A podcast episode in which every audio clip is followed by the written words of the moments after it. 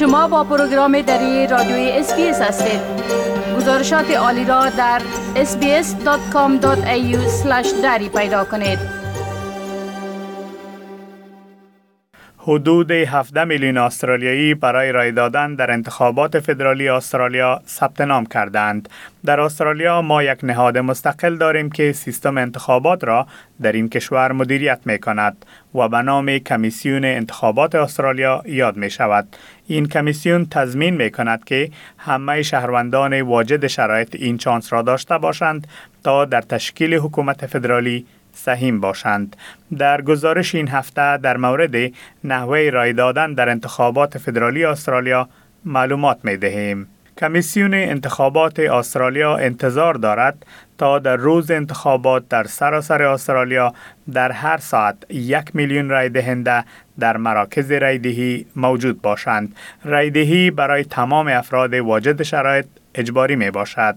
جس لیلی سخنگوی کمیسیون انتخابات استرالیا می گوید که شما باید مطمئن شوید که در حوزه انتخاباتی خود رای می دهید. خانم لیلی می گوید که در استرالیا 151 حوزه انتخابات فدرالی وجود دارد و ما یک سهولت بسیار خوب در وبسایت خود داریم که شما می توانید کود پستی خود را وارد نموده و دریابید که در کدام بخش انتخاباتی رای خواهید داد. او می که شما همچنان می توانید به شماره 132 326 زنگ بزنید و با یکی از کارمندان کمیسیون انتخابات استرالیا صحبت نمایید یا به خدمات ترجمه تلفنی ما دسترسی پیدا کنید.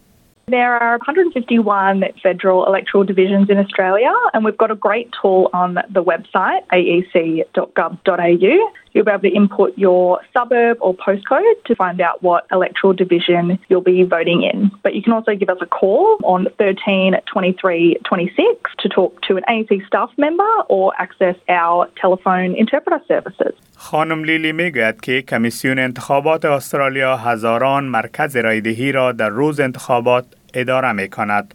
مکاتب و کلیساها مکانهای رایج برای رایدهی هستند. او می گوید که شما می توانید کود پستی منطقه خود را وارد نمایید و وبسایت ما به شما کمک خواهد کرد تا کاندیدان مورد نظر خود را دریابید و معلومات حاصل کنید که کجا می توانید رای خود را استعمال کنید. You'll be able to input your suburb and your postcode, and our tool will help you find who your candidates are as well as where you can actually cast your vote. ایوان اکن سمیت یکی دیگر از سخنگویان کمیسیون انتخابات است او میگوید که محلات رایدهی دستورالعملها و کمکها را به چندین زبان ارائه می کند. او می گوید شما می توانید کسی را با خود ببرید تا در رای دادن به شما کمک کند. ما خدمات ترجمه از طریق تلفن نیز داریم که می توانید به آن دسترسی داشته باشید. او می افزد اگر شما فکر می کنید به این نوع خدمات نیاز خواهید داشت شماره در وبسایت ما وجود دارد به آن شماره به تماس شوید. You can get somebody to assist you to cast your vote. We actually have interpreting service via telephone that you can access. So if you think you'll need to access these sorts of services, there's a number on our website, aec.gov.au slash translated. You call up that number and you'll be able to ask questions and have somebody in language instruct you as to how to cast a formal vote. رای دهندگانی که نمی توانند در روز انتخابات در محل رایدهی حاضر باشند می توانند به روش های دیگری رای دهند. آقای اکن سمیت می گوید اگر در روز انتخابات مانع برای رای دادن وجود داشته باشد در هفته های قبل از رایدهی مراکزی برای رایگیری زود هنگام وجود دارد که می توانید رای دهید. همچنان اگر نمی توانید به یکی مراکز رایگیری زود هنگام بروید می توانید رای پستی بدهید.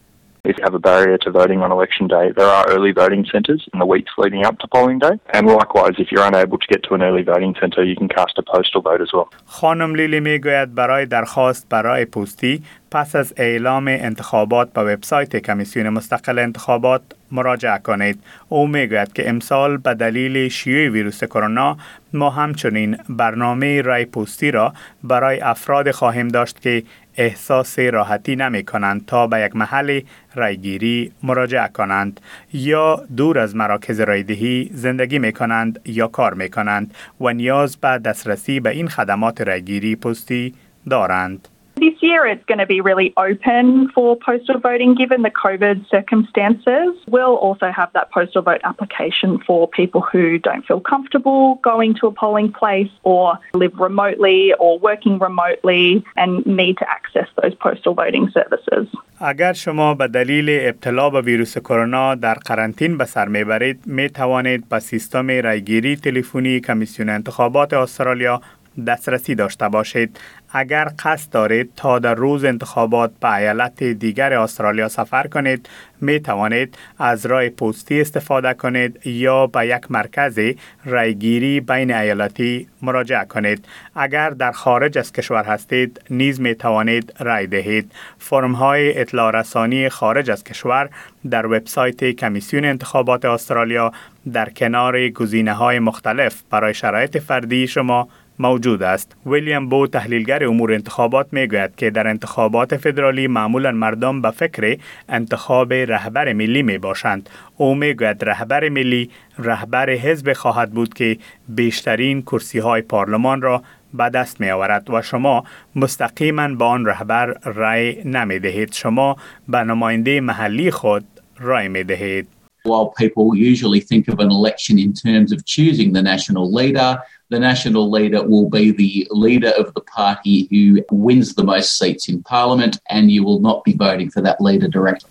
به رای دهندگان دو برگه رای یکی سبز و دیگری سفید داده می شود. آقای بو می گوید برگه سبز برای رای دادن به کاندید است تا به مجلس نمایندگان راه پیدا کند و در حال حاضر مجلس نمایندگان 151 کرسی دارد. او می‌گوید که مجلس نمایندگان حکومت را تشکیل می دهد و هر حزبی که در مجلس نمایندگان اکثریت را داشته باشد حکومت را تشکیل می دهد It's in the lower house that the government is formed, and it is the party that wins the most seats in the lower house that typically forms government. برای معلومات بیشتر از صفحه کمیسیون انتخابات استرالیا aec.gov.au